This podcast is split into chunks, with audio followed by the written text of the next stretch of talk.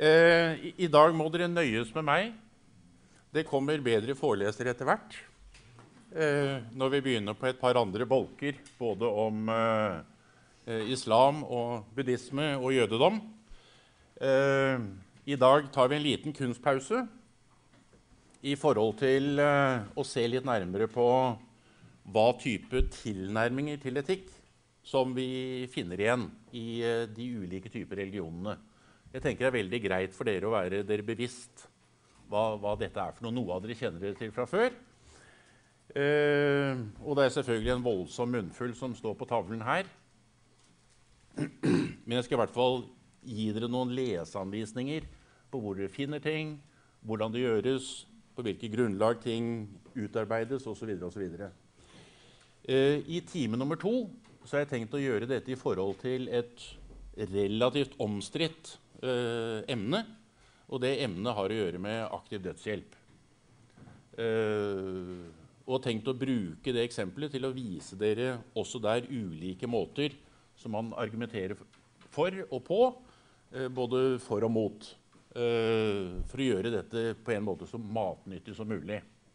Og jeg har valgt det emnet også fordi det er et emne som ikke ellers berøres i gruppearbeidet. Så hvis det høres ålreit, så, så fortsetter jeg.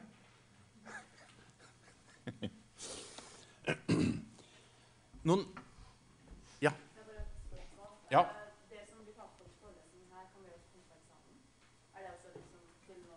Det kan det. Ja. ja. Hva? Det er klart. Men dere får bare de delene av pensum som er øh, øh, benyttet eller angitt før den datoen. Eh, mens det jeg omtaler her, også selvfølgelig kan være relevant for andre deler av pensum. For å si det sånn. Ja. Men dere får ikke mer enn det dere skal ha vært borti. Ja. Og den eksamen er veldig, veldig mange som er nervøse for, men det er ingen grunn til å være. Det er enkle saker. Har dere hatt bitte lite grann oversikt over pensum, gjort dere litt grann eh, familiære med, med, den, så finner dere raskt frem til svar. Ok? Hvis vi ser på pensum Jeg har bare lyst til å gi dere noen, noen anvisninger også hva type pensum det er i forhold til denne type tilnærminger. Eh, dette uh, arbeidet til Jensen og Rothstein uh, det er liksom litt viktig å være klar over sjangeren i, i det arbeidet som er skrevet her. Uh, for man kunne på en eller annen måte si at det de refererer, er en ortopraksis.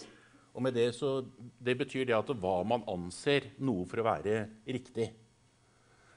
Og den forutsetningen som ligger til grunn for, for, denne redegjørelsen, er jo at det de redegjør for, er hva disse ulike religionssamfunnene selv, og gjerne gjennom autoriteter, skriftlaud osv., hva som er riktig. Og det er gjort gjennom også et eh, utplukk av, eh, av eh, aktuelle saker. Så sånn sett så er dette veldig lett tilgjengelig, men det er lite argumentasjon i, i fremføringen. Så det, det, dere får der, er ofte religionenes stillingtagen til ulike typer spørsmål. Med noen typer begrunnelser, men ikke systematisk. Det er greit å være klar når når man leser det. Når jeg leser Christoffersen, som uh, dere jo nå har hatt her tre ganger på rad, så går det kanskje an å si at han har vært igjennom tre typer tilnærminger til etikk. Uh, som både omfatter to veldig alminnelige etiske modeller som er knyttet til plikt og konsekvens. Uh, og hvordan det utredes, kan jeg komme litt tilbake til etterpå. Det andre har å gjøre med en, med, en forestilling om dømmekraft og hva som inngår i den dømmekraften for å ta stilling til ting. Um, og det er jo fra gammelt av også omtalt som praktisk klokskap. Men det som er litt annerledes med Christoffersens modell, som dere ser også på sånne hjul og måter å tenke på, er at det innbefatter egentlig alle tilnærminger samlet. Som gjør at det uh, munner ut i et grunnlag for å Eh, bedømme eh, et tilfelle, en sak, et sakskompleks osv. Og da ikke bare omfatter teorier, ikke bare omfatter regler, heller ikke bare rutiner eller ortopraksis, som vi eh, nevnte før, men også erfaringer, dyder, narrativer osv. osv. Uh, og dette eksemplifiserer da uh, som dere fikk i siste forelesning, i forhold til den etiske fordring. Det man kan si er litt spesielt med den etiske fordring i forhold til den ortopraksis som dere kan lese dere gjennom hos Jensen og Rothstein, er jo at det ikke på noe område egentlig finnes et ferdig svar på noe moralspørsmål. Svaret er ikke gitt på forhånd. Det er noe som man finner ut av eh, ved å forholde seg til det. Det finnes kanskje ett unntak fra det, og skal komme tilbake til neste time, i forhold til aktiv dødshjelp. Er det mulig at denne tilnærmingen, siden den hviler på en bevisst eller en bestemt livsforståelse, likevel knytt, er knyttet til en form for et fundament eh, som gjør at man vurderer liv på en helt bestemt måte. Og så kommer det også i pensum eh, en del om naturrett. Eh, og i naturrett så er det særlig de to artiklene av Syse og Emon, skal det stå, ikke Eman. Eh, men dere finner også naturrett omtalt hos Christoffersen, også i Bektovic og i Saed-boken. Og Grunnen til at vi har det med her, selv om vi ikke veldig ofte finner det omtalt eh, f.eks. i etiske teorier og sånne type ting, er at naturrett har spilt og spiller en veldig stor rolle i den etiske tenkningen eh, i de store religionene. Og det er basert på eh, at dette er en form for etikk som man kan resonnere seg frem til på fornuftsbasis. Eh, og at de verdiene som ligger i naturen, på et eller annet vis er innskrevet i alle menneskers indre, holdt jeg på å si, hjerte. Um, og det er omtrent likelig fordelt. Hvis man sammenligner islam og kristendom, f.eks., så er disse to veldig sterke tradisjoner i begge religioner. Det som er noe annerledes med Christoffersen, uh, er at man kan kanskje si også at det naturrettslige er erfaringsbasert. Som kommer så tydelig frem hos Christoffersen. Og hvis det er det, så er det en variant av naturrett. Uh, men det går an å diskutere om, om det er sånn eller slik.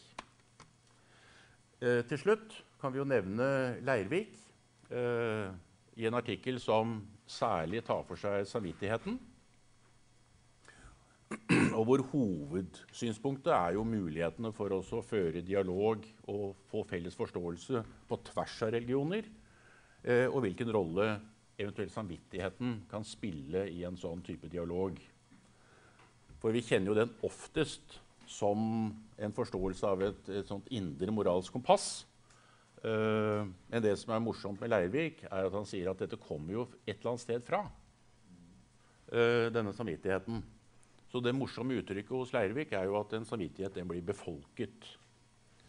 I betydningen av at den formes av noe. Og den kan selvfølgelig også formes av dialogen mellom uh, ulike personer og ulike grupper. Uh, slik at man kan også snakke på tvers av religioner. Kommer tilbake til det helt på slutten. Men dette er da en helt annen type tilnærming til etikk enn de vi har sett på ellers men som praktisk kan ha ganske stor betydning. Uh, og boken til Gudoff uh, gir på en måte en veldig enkel og lett tilnærming til disse ulike tilnærmingene i første kapittel. Hvis dere en, vil få en rask oversikt over hva som finnes, hvilke tilnærminger som er, så gir hun det i kapittel 1. Hun har liksom ikke noe særlig gode svar på hvilken av disse metodene som vi skal foretrekke å bruke. Uh, og svarer vel egentlig at uh, det er ikke godt å si. Det er ikke lett å bare bruke én. Vi trenger alle, ofte en kombinasjon av dem, og at det er avhengig av tema og situasjon. Det var ikke mye hjelp. Jeg må bare si hva det står i disse bøkene. Det jeg da har tenkt å gjøre forresten, er å si noe om tilnærmingen til naturrett. Og så skal jeg bruke litt uakademiske til, eh, måter å omtale to måter på. Det ene ved luftskipsetikk og sykkeletikk. I betydningen av at luftskipsetikk er en forståelse av at man har en eller annen type teori, prinsipper, regler, og så blir det anvendt på en praksis som er veldig alminnelig. Sykkeletikken er mer praksisorientert, erfaringsbasert, knyttet til at man også selv er veldig delaktig i beslutningsprosessene. Men for dere vil jeg bare vise frem viktigheten av å se på forskjellen mellom disse to typene å argumentere etisk på. Det er det jeg skal forholde meg til. Det finnes veldig mange andre typer tilnærminger også, men det får jeg ikke tid til i dag. Ehm, så jeg holder meg til de første, og kanskje særlig til naturretten, fordi den ikke er omtalt så veldig tydelig i pensum. Dere husker kanskje fra eh, første forelesning så hentet jeg frem dette skjemaet eh, for en forståelse av sammenhengen mellom ulike typer etiske teorier, som er hentet fra boken til eh, professor Jon Vettesen om etisk tenkning. Eh, som er egentlig en veldig standard måte å, å, se dette på. Grunnen til at jeg trekker den frem her igjen nå, er at naturretten ikke kan plasseres så lett i forhold til uh, dette skjemaet. Fordi den både har pliktetiske og konsekvensetiske uh, sider ved seg. Den lar seg ikke plassere lett innenfor dette. Den omfatter begge og kommer egentlig forut for denne type inndeling. Denne husker dere også, håper jeg. Jeg har lært at man skal repetere et par ting. At dere får det med dere enda en gang. Denne sier ikke så veldig mye om argumentasjon, men den sier noe om hvor naturretten på en måte er plassert inni en religiøs sammenheng. Uh, innenfor et sånt type byggverk. Og det vi er interessert i, er den, den litt venstre delen der, med fornuft, naturlig lov. Uh, det andre rundt har veldig mye å gjøre med begrunnelser, innordning i et helhetlig system etc. Men tilgangen til naturretten den har alle, også uavhengig av det overordnede byggverket.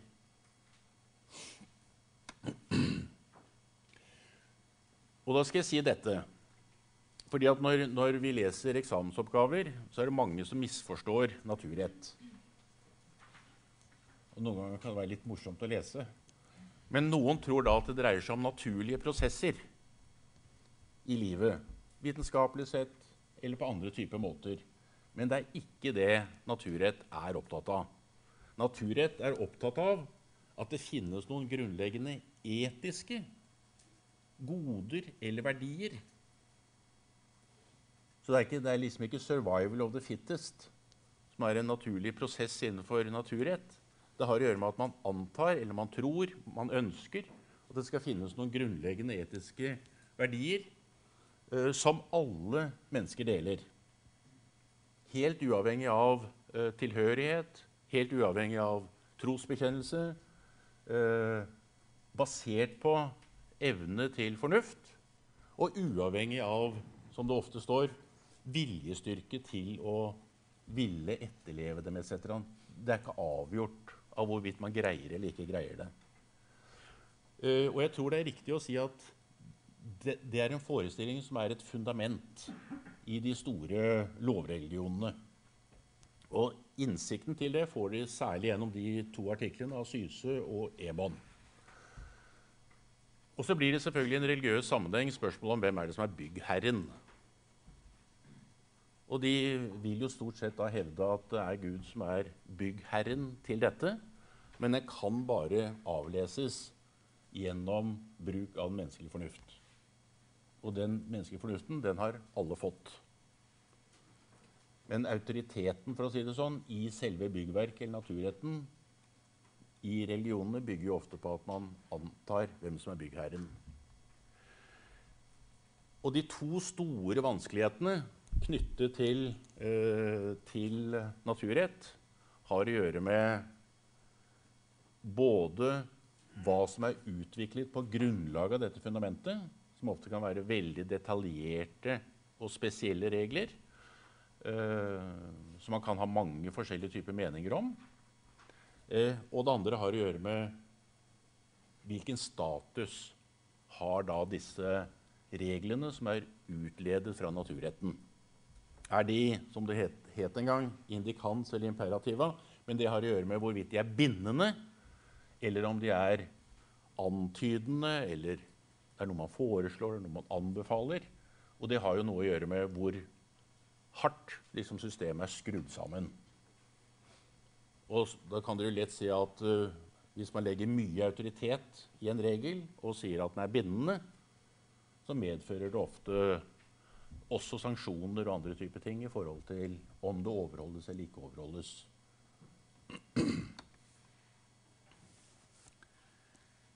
Men det som er universelt med dem, er at uh, de er ansett for å være grunnleggende goder. Uh, og hvis vi ser på en moralfilosof som har spilt en relativt stor rolle i Norge gjennom de senere årene, Knut Erik Tranøy, så vil nok det egentlig passe veldig godt med hva man kunne kalle en allmennmoral. uh, som ikke har dette overordnede byggverket, men som er tilgjengelig liksom, for alles innsikt og fornuft. Det er veldig store likheter eh, i, i, i, denne måten å tenke på. Så er det viktig å legge merke til at i så godt som alle typer utlegning av naturrett så eh, er det en bevissthet om, og som også er uttalt veldig tydelig av f.eks. Thomas Aquinas, at denne type innsikter eller forståelser må alltid tilpasses nye situasjoner og avgjøres med dømmekraft. Og bruk gjerne Christoffersens uh, forståelse av det og som vi ofte uh, omtaler som, som skjønn. Uh, og i den litteraturen som dere finner om islam, vil det ofte være omtalt enten som maslaha eller ijtihad. og særlig boken til Sayed. og dette er også et spørsmål som vi flere ganger har benyttet i eksamen. Denne type tilpasning til nye situasjoner basert på fornuft så vær litt oppmerksom på her at når, hvis dette kommer opp som en eksamensoppgave, så er det ikke en feilskriving for jihad. Det var tre-fire-fem stykker som skrev om jihad forrige gang. De fikk spørsmål om dette. Der finnes noe som heter ijtihad, og det har å gjøre med denne tilpasningen til, til nye situasjoner. Så her kan man bomme veldig. Ja. Men det, det finnes på andre områder også. Hvis, man, hvis vi hadde en gang om, om eh, om teleologiske teorier som har å gjøre med mål. Men noen leser da litt feil der, og så tror at det står 'teologisk'. Da blir det også veldig feilaktige eh, besvarelser. Ja. Så alle bokstaver teller. Skal det være læringen? Ikke ta det for gitt at det er en feilstaving. For det kan man jo, som noen skriver når de ikke har forstått en oppgave, så skriver de før de begynner, så skriver et avsnitt hvor det står Uansett hva det står der, så tolker jeg det slik. Og så skriver de ut av det. Men det blir ikke alltid riktig av det. Eh, men tilpasset nye situasjoner. Og, det, og, og, naturretten som jeg sa med dette skjemaet i stad, kan jo nettopp forstås i ulike typer retninger. Eh, både som noe man tenker seg at man skal oppnå, Eh, eller noe som man har plikt til å utføre. Så den omfatter liksom begge disse to uh, etiske modellene. En stor og kanskje vanskelig insistering innenfor naturretten er at man ofte har ansett at det er noe som har intrinsisk moralsk verdi. Altså at disse godene har det. Og intrinsisk betyr jo at det på et eller annet vis er ukrenkelig. Det er iboende. Uh, det kan ikke rokkes ved. Uh, og det er jo ment som et beskyttelsesverk av uh, disse godene. men gjør av og til vanskeligheter med det som jeg snakket om litt ovenfor, altså tilpasningen til nye situasjoner. Eh, men det skal jeg komme tilbake til i neste time også. Og vi, dere vil, Særlig når Syse kommer på banen, så vil dere også se, og også som er veldig interessant i forhold til naturrett, eh, er at jo historisk og gradvis skjer en overgang fra rett til rettighet. Eh, med moderniteten, med opplysning, eh, med tilpasning etc. Med rett og slett en, en, en, endring fra hva man anser for å være riktig, og til hva man har rett til. Og når man har rett til noe, så har selvfølgelig også noen en plikt til å ivareta eller oppfylle den rettigheten. Og dette er også et sånn etisk veldig interessant spørsmål i forhold til øh, naturretten. Og på noen områder så kan vi jo se den varige betydningen av naturrett. Eh, og som også nevnes i flere av de eh, pensumbøkene som dere har. Eh, både når det gjelder menneskerettighetene, det gjelder krigsforbryterdomstolene f.eks. Nytter ikke å skylde på at man har blitt beordret eller andre typer ting. Man anser at det er noe som faktisk er grunnleggende riktig eller galt. Om det er den ene eller den andre situasjonen som oppstår. Det samme gjelder internasjonal rett. Og det vil også se litt senere at dette også knyttet til uh, en forståelse av rettferdig krig, som i dag finnes like mye utarbeidet innenfor sekulære sammenhenger som den gjør innenfor religiøst basert forståelse av det samme. Det er veldig like ting. Uh, der får vi en egen forelesning litt senere i, i semesteret med Helene Ingjerd, som har studert uh, fenomenet inngående. Uh, til slutt, rundt naturrett, så vil det jo være sånn tenker jeg, at naturrett også må forutsette at det finnes erfaring, og det må finnes former for praktiske resonnementer. Og det vil nok også være sånn at nye erfaringer kan utfordre eh, fundamentet. Eh, basert på ulike typer livsforståelser. Eller så vil det jo bety at ingen nye erfaringer noensinne kunne øh, rokke ved eller endre på dette øh, fundamentet. Men vi kan jo ta den diskusjonen i neste time når jeg angriper eller presenterer litt om aktiv dødshjelp, hvor dette kommer veldig sterkt i spill. Vi må over på noe annet. Dette er to tegninger som jeg for moro skyld har brukt i, i, en lærebok som jeg selv har skrevet, for å illustrere to typer tilnærminger til etikk. Altså en luftskipsetikk, hvor etikken på en måte er eh, definert i denne ballongen. Eh, om det nå er teorier, om det er prinsipper og sånt noe. Også de som utøver eh, fagetikk, de ser ned på den litt rotete virkeligheten og anvender disse prinsippene på, på den virkeligheten. Eh, og jeg, jeg, brukte tidligere uttrykket 'ballong', men det fikk jeg så mye kritikk for at nå har jeg gått over til luftskip, for det skal være litt stødigere. Det skal ikke bare en nål til for å punktere det som er over. Det er selvfølgelig mange fordeler med denne type etikk. Eh, man får en oversikt, man har en systematikk. Eh, men noe av det som er vanskelig med denne tilnærmingen, eh, er at den faktisk har et relativt stort gap, avstand, til virkeligheten. Men som likevel hele tiden skal anvendes.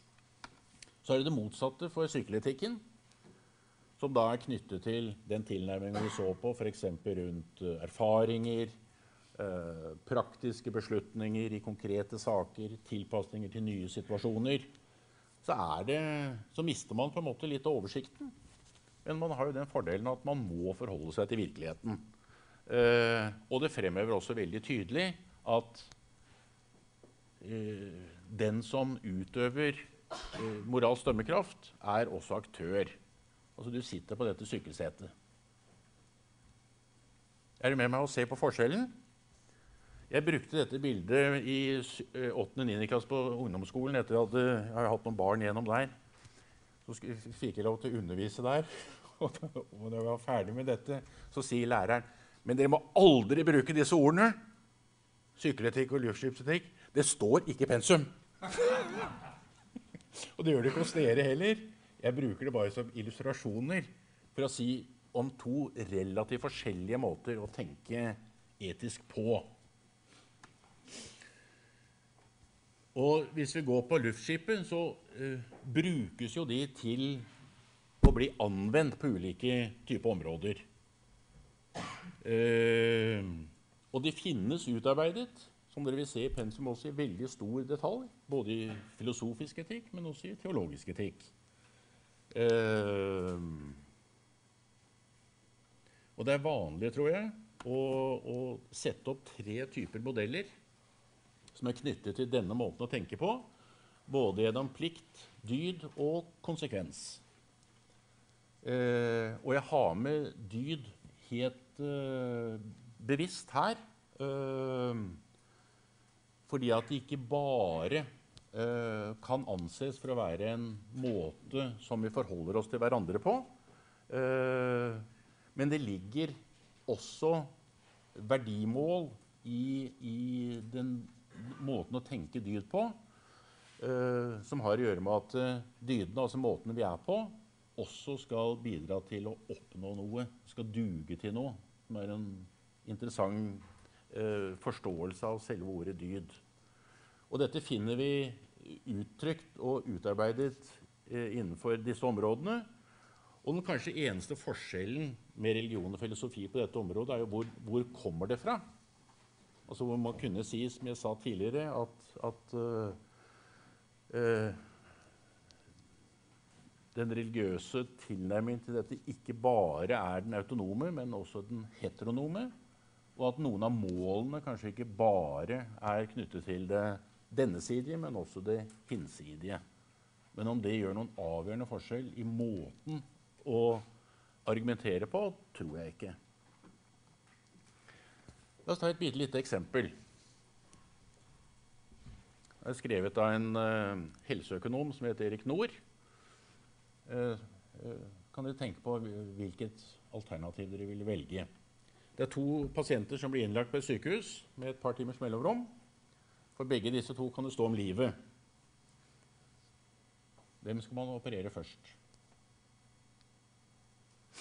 Det er ikke alltid disse kan predikeres, men, men den ene pasienten A, hvis vedkommende kommer til rask behandling, så antar man at vedkommende vil komme tilbake til full helse og full følelighet.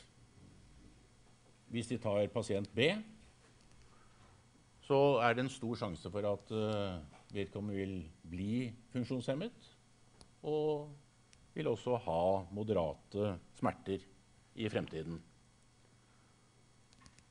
Og så foreslår Erik Nord at det finnes også et tredje alternativ. er det At man ikke behøver å velge mellom dem, men man tar den som kommer først. Hvor mange går for A her?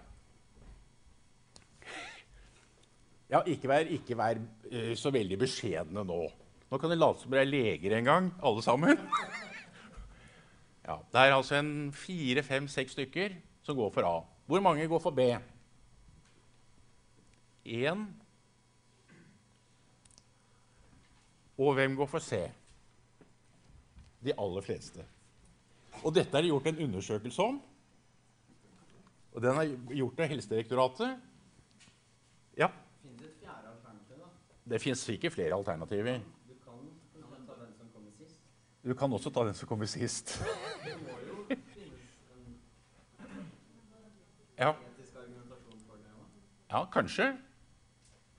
Eh, kan vi bare ta resultatet fra Helsedirektoratet, så kan dere svare på hvor Det kan være litt interessant å spørre hvor disse hører hjemme sånn når det gjelder etiske tilnærminger.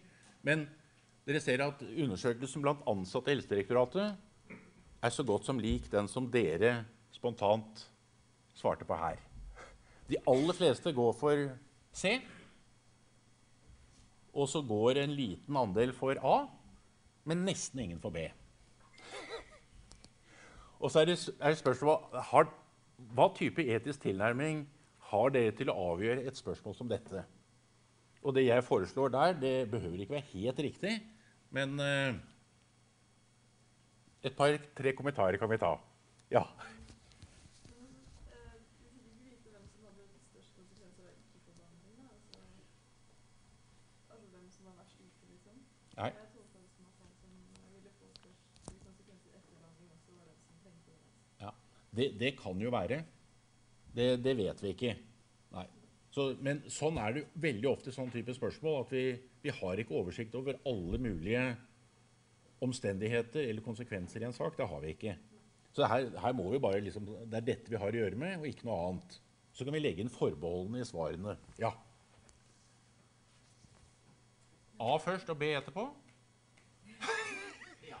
Eh, ble det spurt om hva de syntes var best, eller hva de ville gjort hvis de personlig måtte ta avgjørelsen? Det, det siste. Ja, ok. Ja. Ja. For jeg tror hvis de ble spurt om hva som ville vært best, og hvis de hadde sluppet å signere på dette, Ja. så ville siste. Ja.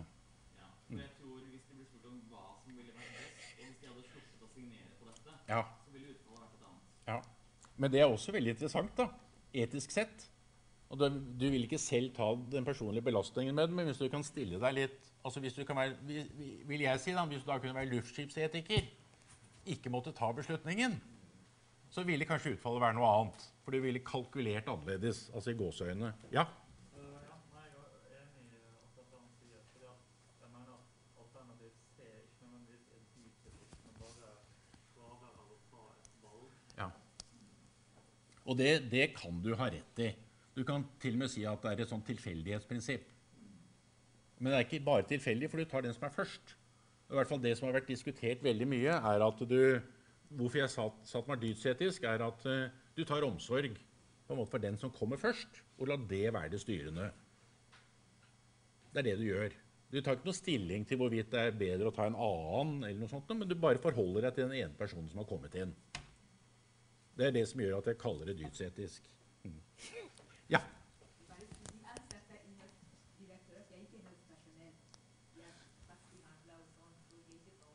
Nei. Ja, og det, det er selvfølgelig riktig. Mange av dem er det også. Ja. Men eh, hvorfor det er morsomt med Helsedirektoratet likevel, er jo at eh, de er ansatte i en etat som har å gjøre med implementeringen av alle mulige slags helsetjenester i Norge. Ja.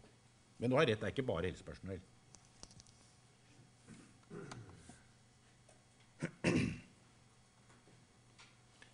Jeg syns vi skal ta med oss videre at uh, som var ditt gode anliggende, var at det kan være en veldig stor forskjell i hvordan man tar stilling til å avgjøre saker om man selv er involvert i beslutningen, eller man må, på en måte kan steppe ut av situasjonen og se den eh, med et annet type blikk. Og denne, dette etiske verktøyet som er knyttet til, eh, til det jeg da litt for moro skyld har kalt for luft, luftskipsetikk, kan jo eh, Da kan du sitte i kurven, og så kan du se på situasjonen i sin helhet. Og det dreier seg da veldig ofte om at man anvender disse prinsippene på en eller annen konkret type sak. Eh, og nå er det gjort veldig mye arbeid innenfor disse områdene her. Eh, Blant annet som jeg nevner her med at man spesifiserer normer, man balanserer Man har skrevet altså, bindvis tykke bøker. Men noe av det som alltid og nesten alltid forblir et problem med denne måten å tenke på, er at man greier ikke egentlig å slutte helt mellom disse prinsippene og de konkrete sakene. Så man vil veldig ofte likevel være eh, avhengig av å bruke skjønn når det kommer til stykket. For det er ikke en sånn lik sammenheng mellom prinsippet og den saken du uh, forholder deg til. Men det vil man ha så lite av som mulig, fordi det er uforutsigbart. Det henger ikke så godt sammen. Uh, ja, jeg tror ikke jeg skal si så veldig det, det finnes også innenfor filosofi måter å tenke på regler og retningslinjer på som, som sier mye om dette, som det ser litt av i pensum.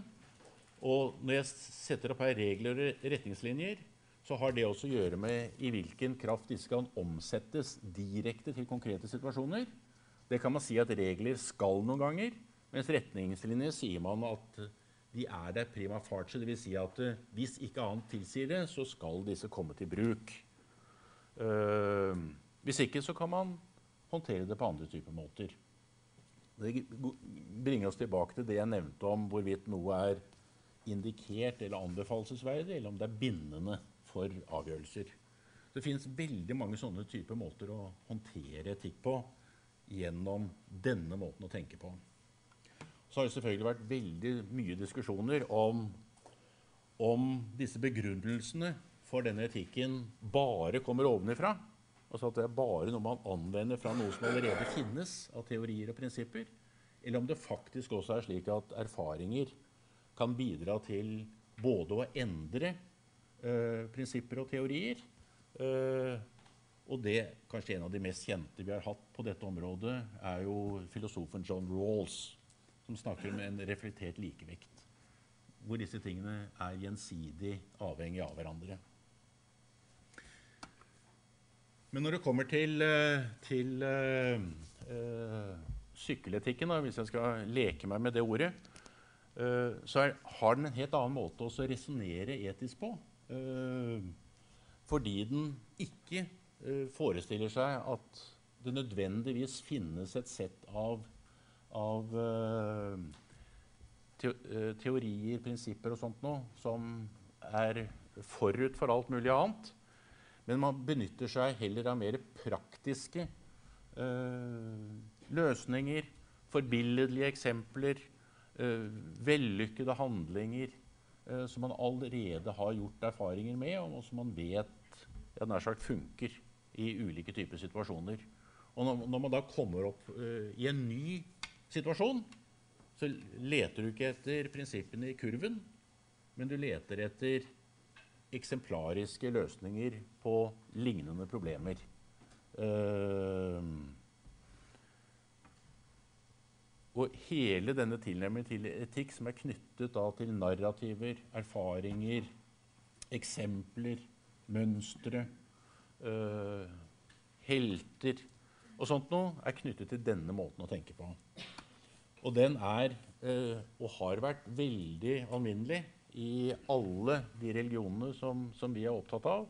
Det er veldig mye etikk som er utmyntet på dette området. Og når man da tar stilling til spørsmål, så finnes det en kjempestor litteratur om det du kunne kalle kasuistikk. Altså som er knyttet til løsningen av enkeltsaker. Kasus er en sak hvor man trenger det vi ikke hadde i, den uh, Nord-saken. Du trenger en veldig tykk beskrivelse av situasjonen. For du trenger å vite alle typer omstendigheter i en sak eh, for å kunne greie å ta stilling til den. Men når du har den situasjonsbeskrivelsen, som da skal være fyldig og tjukk og omfatte alle mulige ting, så leter du ikke etter prinsippene, men du leter etter eh, eksempelfortellinger. Eh, hvor det samme fenomenet på et eller annet vis er løst tidligere. Eh, og så innebærer det etiske arbeidet at man egentlig da ikke anvender noe ovenfra og ned, men man sammenligner situasjoner med hverandre. Det er den store forskjellen egentlig i disse tilnærmingsmåtene. Og man kommer frem til en løsning. Og ofte er det jo sånn at man må komme frem til en løsning. Uh, ikke sånn som man kan tillate seg når man sitter i en kurv. Så behøver man ikke det. Men med denne type tilnærming så må man faktisk, som det heter også i jussen, man må skjønne saken, og man må ta stilling. Når to av disse to pasientene kommer inn eh, på sykehuset, så kan man ikke tillate seg å si det at eh, nei, jeg må gå og tenke litt. Eh, og så skal jeg komme tilbake om noen timer. Det nytter ikke. Man må skjønne saken med å ta avgjørelsen der og da. Eh, og dette er også en veldig stor eh, forskjell i måter å tenke på. Og den løsningen man kommer frem til, den er på et eller annet vis antagelig litt sånn komplisert ord, men det dreier seg om at det er en løsning som man kan anta, og som på en eller annen måte må være akseptabel for de personer, grupper, institusjoner som er involvert i avgjørelsen. Jeg tror vi avslutter med denne. Det er litt morsom kommer, også, kommer fra jødedom. Men i jødedommen, kanskje i forhold til alle andre, de andre religioner vi har her, så er mesteparten av etikken er fremkommet ved fortellingen. og fortellingen kan selvfølgelig bli en lov eller en regel eller annet. Eh, men jeg syns det er en ganske morsom eh, eh, sammenligning mellom lov og fortelling. Bialik sier Hallaka er som en rynket panne, Agada som et smil. Den ene er pedantisk, streng, umedgjørlig, altså regler. Ideelt rettferdig. Den andre er imøtekommende, overbærende, medgjørlig, ideelt nåde. Det er egentlig akkurat den samme forskjellen som mellom et luftskip og en sykkeletikk. Og eh, etikken fremkommer eh, i større grad gjennom denne imøtekommende tilgangen til, til etikken. Jeg tror vi, Det ligger noen slides til her, men jeg tror vi avslutter der. For jeg tror jeg har greid å få frem eh, hovedpoengene gjennom naturrett og gjennom noen typer forskjeller. Eh, jeg legger ut denne, så dere kan også se på de andre slidesene. Men jeg tror vi slutter der. Et spørsmål eller to eller tre? Vær så god.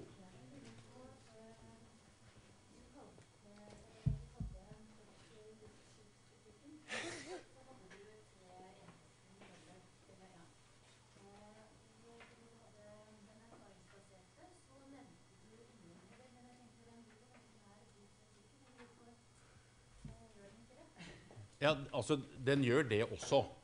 Den gjør absolutt det også. Men jeg tenker det er veldig ålreit å kunne se at dyd kan leses og forstås på begge måter. Den kan godt forstås som en teori, eh, og spesielt i den sammenhengen hvor dyd tenkes eh, i forhold til å oppnå et mål. Da, er den på en måte teleologisk. Du kunne nesten si at den er instrumentell. Og det fins utrolig mye rundt det. Men den, den, måten å tenke dyd på som du etterspør nå, har mer å gjøre med uh, væremåten. Og det er klart, den er, er erfaringsbasert, praktisk, relasjonell. Så den passer også der. Men det, men det er to måter å lese dyd på. Er du med meg? Ja. Ja, og jeg tenker at den, altså Jeg hadde jo med for moro skyld, men, men, bare ordet altså Du ser at Vettelsen f.eks. bruker bevisst dygd, som ikke er vanlig i vanlig språkbruk. De fleste av oss sier jo dyd, men antagelig fordi at det er litt sånn prippent ord. sånn historisk sett. Så, men det han får frem veldig tydelig når han bruker ordet dygd, er at også en av hovedopprinnelsene til den forståelsen av etikk har jo knyttet til at det skal duge til noe. Det, du har en hensikt. Og så kan man selvfølgelig spørre om, om det er beregnende og sånne type ting. Men derfor det, kan du plassere den begge steder. Den kan være begge deler. Men sånn som den brukes f.eks. innenfor uh, uh, utdanning i, i leger, sykepleiere, helseprofesjoner og sånt i dag, så finnes jo denne teoretiske biten nesten aldri med. Man snakker bare om den relasjonelle. Mm. Andre som vil protestere eller korrigere eller rette på ting, så er det full anledning til det. Men da fortjener dere en pause. Ja.